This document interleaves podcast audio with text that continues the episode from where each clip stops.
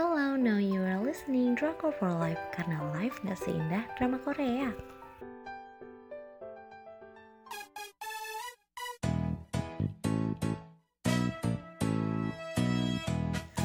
Review drama Korea What's Wrong with Carter Kim. Kim Iso minta resign tapi malah dilamar. Dengan stasiun penyiaran TVN untuk tanggal penayangan 6 Juni sampai dengan 26 Juli 2018. Untuk jumlah episodenya ada 16 episode untuk ratingnya 4 dari 5. Selanjutnya aku bakal bacain sinopsisnya. Kim Iso, sekretaris serba bisa yang jadi andalan Lee Yeon Jung. Uh, kerja selama 10 tahun sama sekretaris Kim bikin Yong Jun nggak ngerasa perlu apa-apa lagi di dunia ini. Kenapa? Karena sekretaris Kim sudah mencukupi kebutuhan Yong Jun. Sampai cewek pun nggak perlu cari karena kerja kerja kerja aja dan kehidupan sekretaris udah bikin happy. Tiba-tiba di tengah kedamaian dunia, Yong Jun tiba-tiba tiba-tiba kaget karena si sekretaris Kim minta resign kacau lah dunia Yunjun dia kelimpungan sendiri. Kenapa ya sekretaris Kim Yunjun bikin keras pokoknya tiap hari makin gak ikhlas ngelepasin sekretaris Kim ini dia tambah bingung kenapa? Ternyata masalahnya ada sama hatinya Yongjun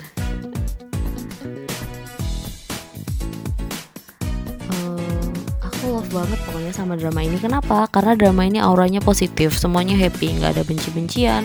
Konflik yang disuguhkan nggak bikin penonton emosi atau benci ke salah satu karakter. Konfliknya cuma butuh dipahami aja kok ter diabaikan sendiri sama Leon Jun nama kakaknya.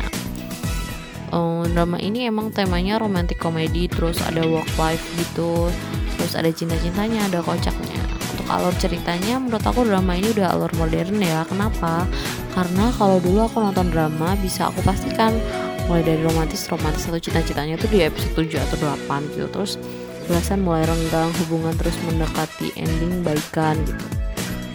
Alasannya nggak bisa bersama karena kita sama-sama nggak enak tentang suatu hal. Nah ini nih e, udah sadar cinta dari awal nggak ada fase renggangnya bikin ikut berbunga-bunga lah pokoknya nontonnya. Nah kalau orang miskin nih nikah sama cebol biasanya ibunya nggak suka gitu nggak setuju. Pacar anaknya disokok pakai duit disiram air.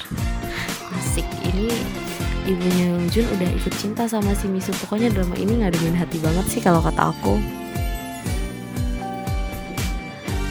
Terus aku bakal bahas love line-nya. Dari judulnya aku kira alur ceritanya bakal kayak cinta karena terbiasa gitu. Hubungan sekretaris sama bosnya hmm, taunya emang cinta pertama cinta dari kecil. Aku suka banget sih aktingnya dua bocil yang meranin masa kecil mereka. Menurut aku nih drama ini hmm, drama-drama tuh kan sering tuh ngangkat kisah yang ada hubungannya sama masa kecil. Tapi di dunia nyata yang gak sering yang aku temuin tuh nggak pernah kayak gitu. Ya namanya hidup ya emang nggak seindah drama Korea terus aku bakal bacain penokohannya. Lee Yong Jun diperankan oleh Park So Jun ganteng kaya pintar baik hati rumahnya gede.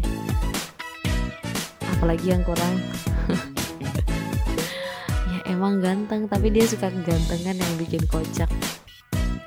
Kayaknya kekurangan dia adalah nggak punya kekurangan. Sebel. Terus ada Kim diperankan oleh Park Min Young dia juga digambarkan terlalu sempurna menurut aku. Dia rela kerja ngumpulin uang buat nyokolain kakak-kakaknya bahkan tinggal secara mandiri. Karirnya bagus dicintai presiden perusahaannya dikagumi sama teman kantornya. Gak ada ceroboh-cerobohnya juga. Terus ada Kim Ji Ya yang diperankan oleh Pyo Ye Jin. Dia ini tokoh favorit aku.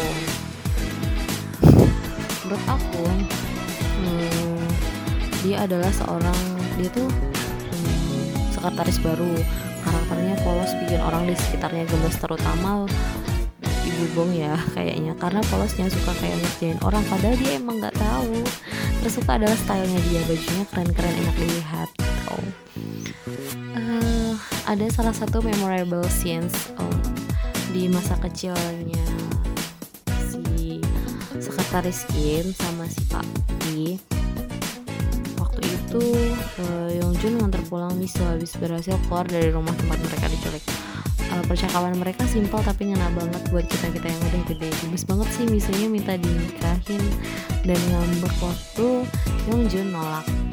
Simple tapi ini yang jadi alasan Yongjun tetap balik ke Miso. Meskipun kayak impossible ini bener-bener drama banget lah. Itu beneran kayak drama banget tapi ya kita terhibur gitu habis nonton menurut aku aku yang paling nempel adalah original soundtracknya.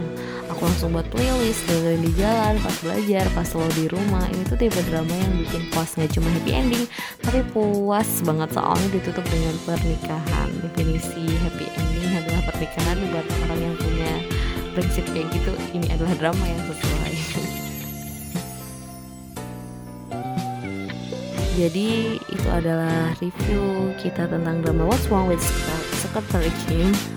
Terima kasih buat yang udah dengar buat yang mau dapat update eh, drama-drama terbaru bisa cek di Instagram kita @drakor4live jangan lupa live-nya pakai Y eh sama underscore drakor for live underscore uh, record for live-nya pakai Y. Terima kasih sudah mendengarkan